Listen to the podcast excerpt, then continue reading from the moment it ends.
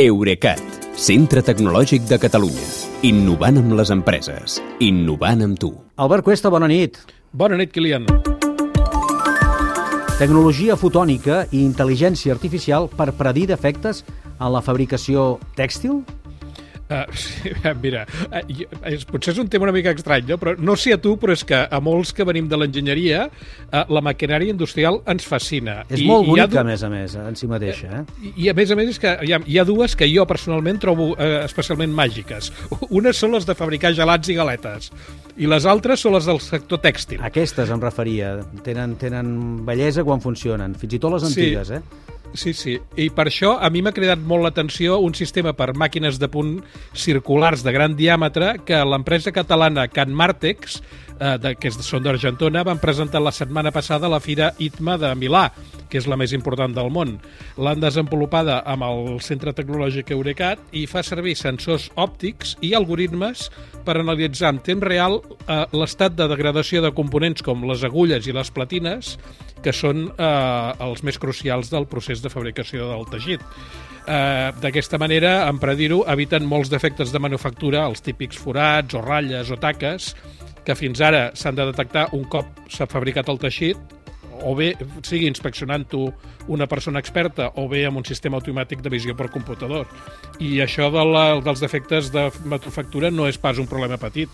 El director de Tecnologies Industrials d'Eurecat, en Xavier Plantam, deia que dels 92 milions de tones de residus que la indústria tèxtil genera cada any, la quarta part es produeixen durant la fabricació del teixit, precisament.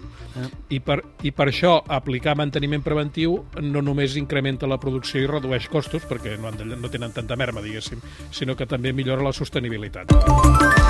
Aquesta no és l'única tecnologia catalana que s'ha vist a la Fira de Maquinària Tèxtil de Milà. També hi ha hagut teixits fets amb residus biològics doncs sí, i també hi ha intervingut Eurecat, que aporta un cert prestigi i tradició en aquest àmbit des de que s'hi va integrar Eurecat a l'antic CETEMSA, que era el Centre de Tecnologies Tèxtils de Mataró, al Maresme, que sempre ha sigut una de les comarques catalanes on la indústria tèxtil estava present. No? Sí. Uh, en aquest cas, uh, Eurecat és un dels 13 socis de nou països europeus que participa en un consorci que es diu Hereware, que és en anglès, i que vol crear a la Unió Europea un mercat de tèxtils circulars i de peces de vestir que es produeixin eh, localment a partir de residus biològics. A part, eh, en concret, eh, intervenen amb el projecte Texam per combinar biopolímers amb residus de la mateixa indústria tèxtil, per exemple, pols de fusta, bambú i fibres de cotó. I també eh, desenvolupen eh, tecnologies sostenibles per la filatura en humit, pel tenyit de materials i per l'acabat de peces de roba. Tot això ho fan des d'un programa d'innovació que es diu Reimagine Textile, que està centrat en l'ús de biomaterials, de materials reciclats i de teixits funcionals, que són aquells que porten sensors que fan coses. Jo, la veritat, si alguna vegada teniu curiositat, us recomano una visita a la seu del Tecnocampus de Mataró, on hi tenen una sala d'exposició i un laboratori de fabricació i prototipatge tèxtil que el fan servir les empreses del sector, tant les que ja estan establertes com startups de nova creació. Doncs és, un, és una recomanació a la que ens hi apuntem, perquè ja hem dit al principi que són sempre maquinària que ens ha cridat l'atenció, perquè la trobem bonica, bonica de sí funcionar. Sí, sí, sí, bé, sí. escolta, moltes gràcies i una abraçada, que vagi bé. Bona nit, Kilian, fins demà.